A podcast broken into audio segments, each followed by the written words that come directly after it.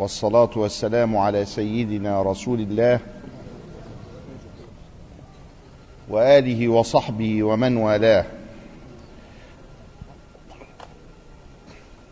اللهم اغفر لنا ذنبنا وكفر عنا سيئاتنا وتوفنا مع الأبرار واغسلنا من خطايانا كما يغسل الماء كما يغسل الثوب بالماء البارد. اللهم يا ربنا نقنا من خطايانا كما ينقى الثوب الأبيض من الدنس. وباعد بيننا وبين خطايانا كما باعدت بين المشرق والمغرب. واهدنا فيمن هديت وعافنا فيمن عافيت وتولنا فيمن توليت وبارك لنا فيما أعطيت. واصرف عنا شر ما قضيت. ولا تردنا خائبين.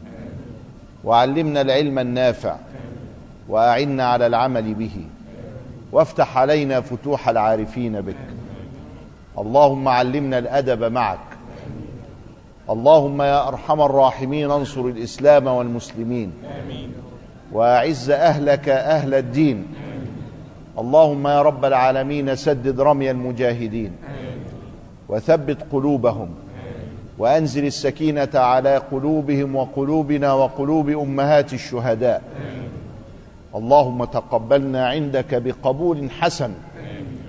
اللهم اجعلنا من ورثة الأنبياء. اللهم يا أرحم الراحمين ارحمنا. ويا غياث المستغيثين أغثنا.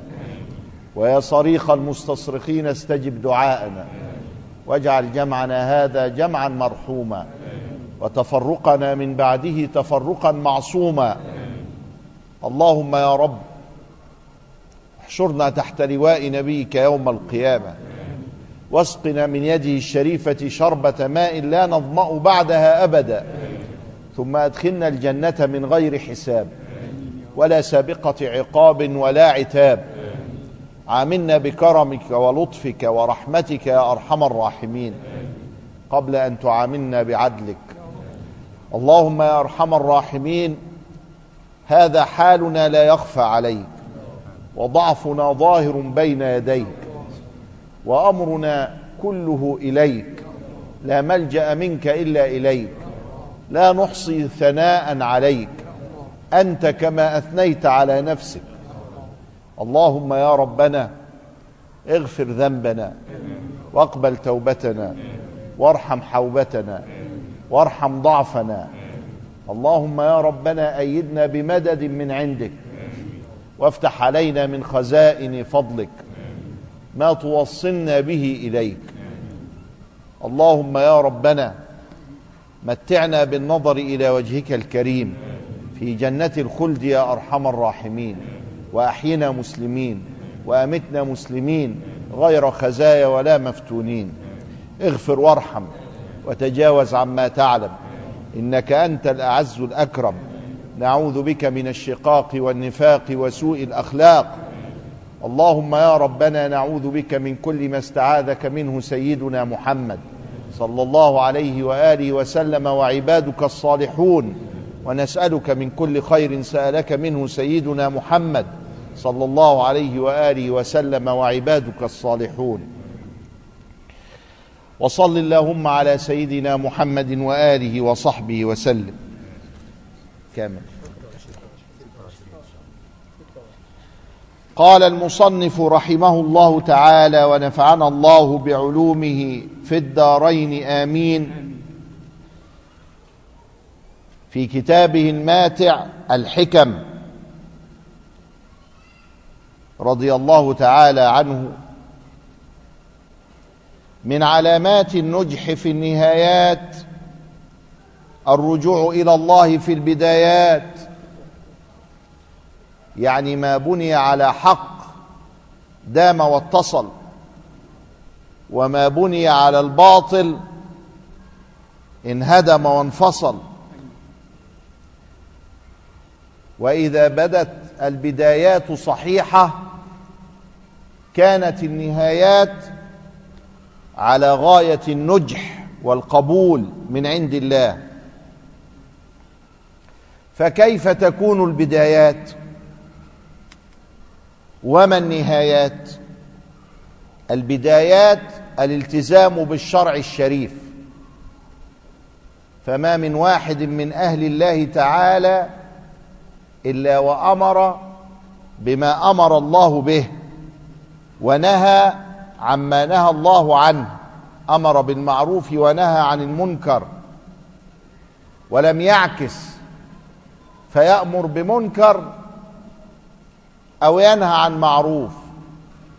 تصحيح البدايات أن تلتزم بهمة بما أمرك الله به وأن تنتهي عما نهاك الله عنه أي أن تلتزم معالم الشرع الشريف. الذي ما أنزله الله للعالمين عبثا وإنما جعله سببا لخيرهم ولحسن معاشهم وارتياشهم ولحسن معادهم ورجوعهم إلى الله سبحانه وتعالى يوم القيامة. والالتزام بالشرع الشريف يبدأ بالطهارة فإنها مقدمة الصلاة. والصلاة عماد الدين وذروة سنامه وأعلى الأمر وخير موضوع والفرق بيننا وبين الكافرين والمشركين لا يسجد أحد على وجه الأرض لربه إلا المسلمون ولا يتوجهون إليه بتلك العبادة إلا هم فهم خير العابدين جمعوا في تلك العبادة ما عليه الملائكة الكرام في الملأ الأعلى فمنهم راكع ومنهم ساجد ومنهم قائم ومنهم تالي ومنهم ذاكر ومنهم من يصلي على النبي صلى الله عليه وآله وسلم ومنهم من يتوجه ومنهم من يتعلق ومنهم من يخشع فجمع المسلم بين ذلك كله في صلاته فتوجه إلى القبلة طاهرا خاشعا وسجد لربه راكعا قائما مصليا ذاكرا تاليا مسبحا. فجمع بين أنواع العبادات التي كانت عليها الملائكة ولا زالت في الملأ الأعلى. تصحيح البدايات بأداء الزكوات وصيام رمضان وحج البيت لمن استطاع إليه سبيلا على سنة رسول الله صلى الله عليه وآله وسلم. ولا يقبل الله ذلك كله إلا بحب النبي صلى الله عليه وسلم وحب آل بيته. فإن حب النبي المصطفى والحبيب المجتبى وحب آل بيته من أركان الإيمان. لا يقبل الله عدلا ولا صرفا ممن لم يدخل حب النبي قلبه. فإذا دخل حب النبي قلبك فاعلم أنك على الخير وأنك مختوم لك بالسعادة. وإذا كان على غير ذلك فهذا هو الخذلان المبين ويجب عليك أن ترحل مما أنت فيه إلى رضوان الله بأن تحب رسول الله صلى الله عليه وآله وسلم ولا يتم حبه صلى الله عليه وسلم إلا بحب أهل بيته. قال صلى الله عليه وآله وسلم تركت فيكم ما إن تمسكتم به لن تضلوا بعدي أبدا. كتاب الله وعترة أهل بيتي. ترك فينا كتاب الله نهتدي به. وترك فينا عترة أهل بيته نحبهم بحبه ونوقرهم بتوقيره ونبتلى فيهم ببلوتنا ونكلف فيهم بتكليفنا لله.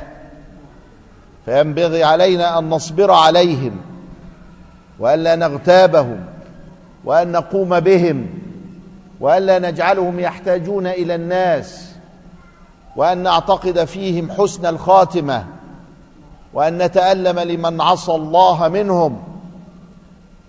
وأن نرده ردا جميلا وأن نبكي عليه بكاءنا على أولادنا وآبائنا وأن نحبهم أكثر من حب أهالينا. لا يقبل الله صرفا ولا عدلا إلا بحب النبي المصطفى صلى الله عليه وآله وسلم ومن حبه حب آل البيت الكرام. من أجل أن الطهارة كانت أول البدايات قالت السيدة نفيسة لما مات الإمام الشافعي رضي الله تعالى عنه وكان إمام الدنيا وناصر السنة وكان من أهل البيت الذين يحرم عليهم طلب الزكاة بنو هاشم وبنو المطلب وهو كان من بني المطلب. وكان الإمام الأجل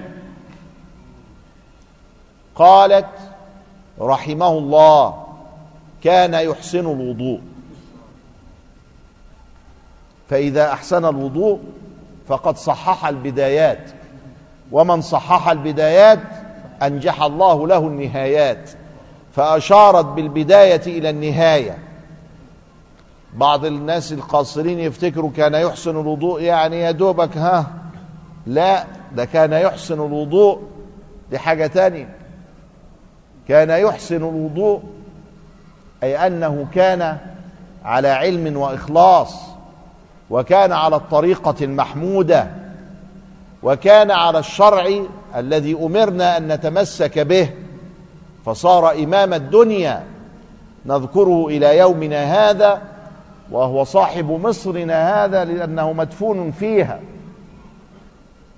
ولذلك شاع مذهبه هنا وأصبحت مصر من أركان المذهب الشافعي عبر التاريخ. كان رحمه الله يحسن الوضوء فترحمها حكمة وذكرها للبدايات حكمة وفيها إشارة إلى ما معنا اليوم أن نجح النهايات إنما يكون بتصحيح البدايات. من علامات النجح في النهايات الرجوع إلى الله في البدايات ومنها قولهم ما بني على باطل فهو باطل أي وما بني على الصحيح فإنه يصح. وإذا تركت العود ينبت يعوج فإذا أقمته استقام فإذا استقمته أقمته في بداياته نجح في الإقامة في نهاياته. وكذلك من تربى على مثل هذه الأخلاق صغيرا فإنك توقره كبيرا. قال رضي الله تعالى عنه ونفعنا الله بعلومه في الدارين آمين. من أشرقت بدايته أشرقت نهايته. فالله كريم. والكريم إذا وهب ما سلب. فإذا قد حافظ عليك الله في بداياتك وعصمك في شبابك كان ذلك علامة ودلالة على أنك سيختم لك بخير. أما إذا كانت البدايات ليست مشرقة بل مظلمة بأن كانت عاملة ناصبة والعياذ بالله. قل هل أنبئكم بالأخسرين أعمالا الذين ضل سعيهم في الحياة الدنيا وهم يحسبون أنهم يحسنون صنعا؟ بعض الناس كده. ورب صائم ليس له من صيامه إلا الجوع والعطش. سيدنا رسول الله بيقول لنا كده. رب عابد ليس له من عبادته إلا النصب إلا التعب. بعضهم هناك في الأديرة والكذا إلى آخره وهم على غير الحق. يعبدون الله بالليل والنهار ظانين أنهم على خير. وهي عاملة عاملة مجهود ناصبة تعبانة تصلى نارا حامية تسقى من عين آنية لأنها منحرفة. عن الصراط المستقيم وعن العقيدة الصحيحة وعن مراد الله من كونه وعن توحيده وتفريده سبحانه وعن نسبة الألوهية لغيره. اذا من أشرقت والإشراق يتم بايه مين اللي أشرقت دي؟ الشمس. وما شمس الأمر؟ شمس الأمر رسول الله صلى الله عليه وسلم الذي أضاءت الدنيا بوجوده.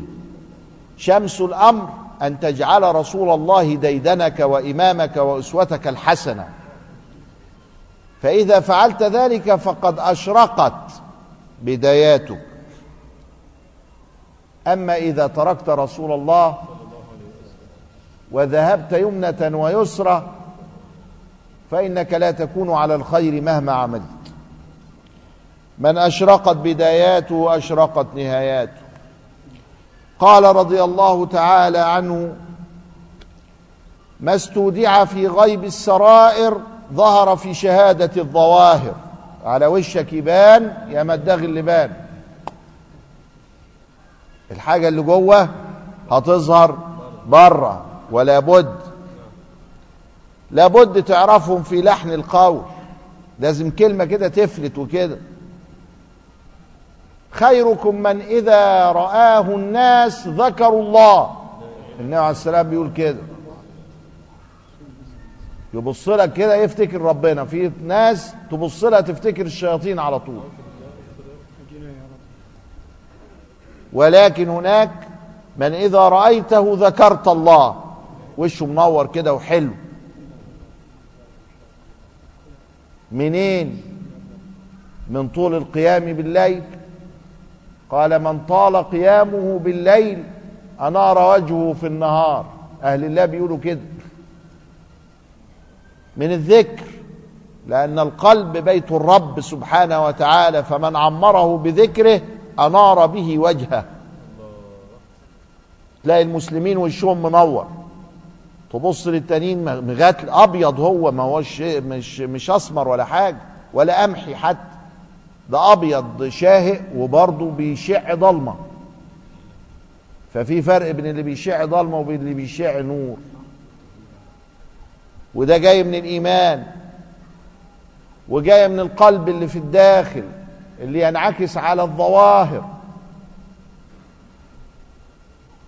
إذا خشعت الجو... القلوب خشعت الجوارح. إذا خشعت القلوب ظهر ذلك على جوارحه فيسمونه بالسمت. ويقول عليه سمت الصالحين. يعني تبص له كده تحس إنه صالح. عليه سمت الصالحين. يظهر في النظر. تلاقي الولد من دول عينه رايحة وجاية كده أهو. النني بيجري يمين وشمال. حيران. لكن التاني تلاقيه رزين. دفيان. وفي فرق بين الحيران وبين الدفيان. إذا كان قلبك دفيان هيظهر هذا على جوارحك. وإذا كان قلبك حيران هيظهر هذا على جوارحك. ونعوذ بالله من التعبان. ما هم ثلاثة تعبان وحيران ودفيان. فاللهم اجعلنا من صنف الدفيان ولا تجعلنا من صنف التعبان ولا الحيران. اذا الحاجة اللي جوه هتظهر بره وكل إناء بما فيه ينضح. والعوام بيقول أهو الكلام اللي بدأنا بيه. على وشك يبان يا مداغ اللباد. لما انت قاعد تبدغ لباد في بقك مخبيها قال. ما بتفتحش شفايفك. بس هيظهر عليك. وانت قاعد تعمل كده اهو.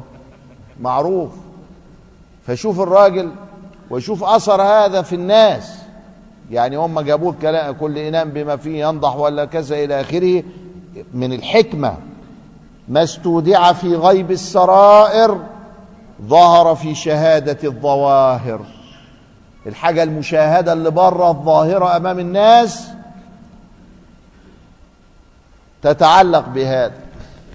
بعض الناس ينافق ويرائي ويحاول رأيك؟ ما, ما ينفعش ما يعرفش. يحاول شوية وبعدين يزهق. ما يكملش. ما يعرفش يستمر. لكن التاني مستمر. على طول. تغيب عليه عشر سنين وترجع له تلاقيه هو هو.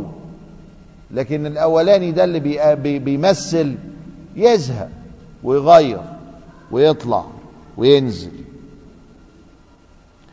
قال دلائل الحب لا تخفى على أحد. كحامل المسك لا يخفى إذا عبق. يعني اللي حاطط مسك ريحته بتفوح. يعرف يعرف يمنع فوحانه هيظهر برضو عليه مهما أخفى نفسه.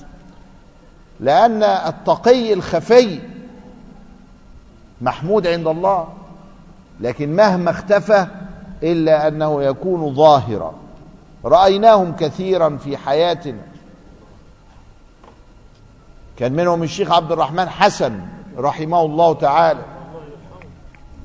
عاش وحيدا ومات وحيدا واشتغل بالعلم بالليل والنهار.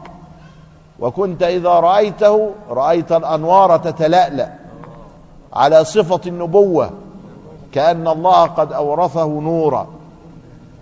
كان منهم الشيخ صالح الجعفري الذي كان يجلس في هذا المجلس رحمه الله ورضي عنه كم نفع الله به الناس.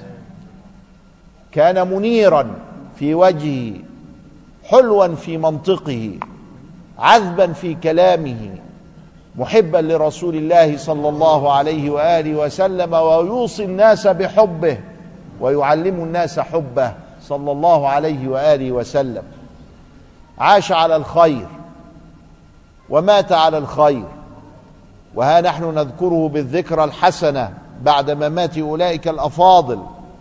من الذكرى الحسنة التي نذكر الناس عليها وهذا من رحمة الله بنا وبهم رضي الله تعالى عنهم. قال رضي الله تعالى عنه شتان يعني في فرق كبير بين من يستدل به أو يستدل عليه.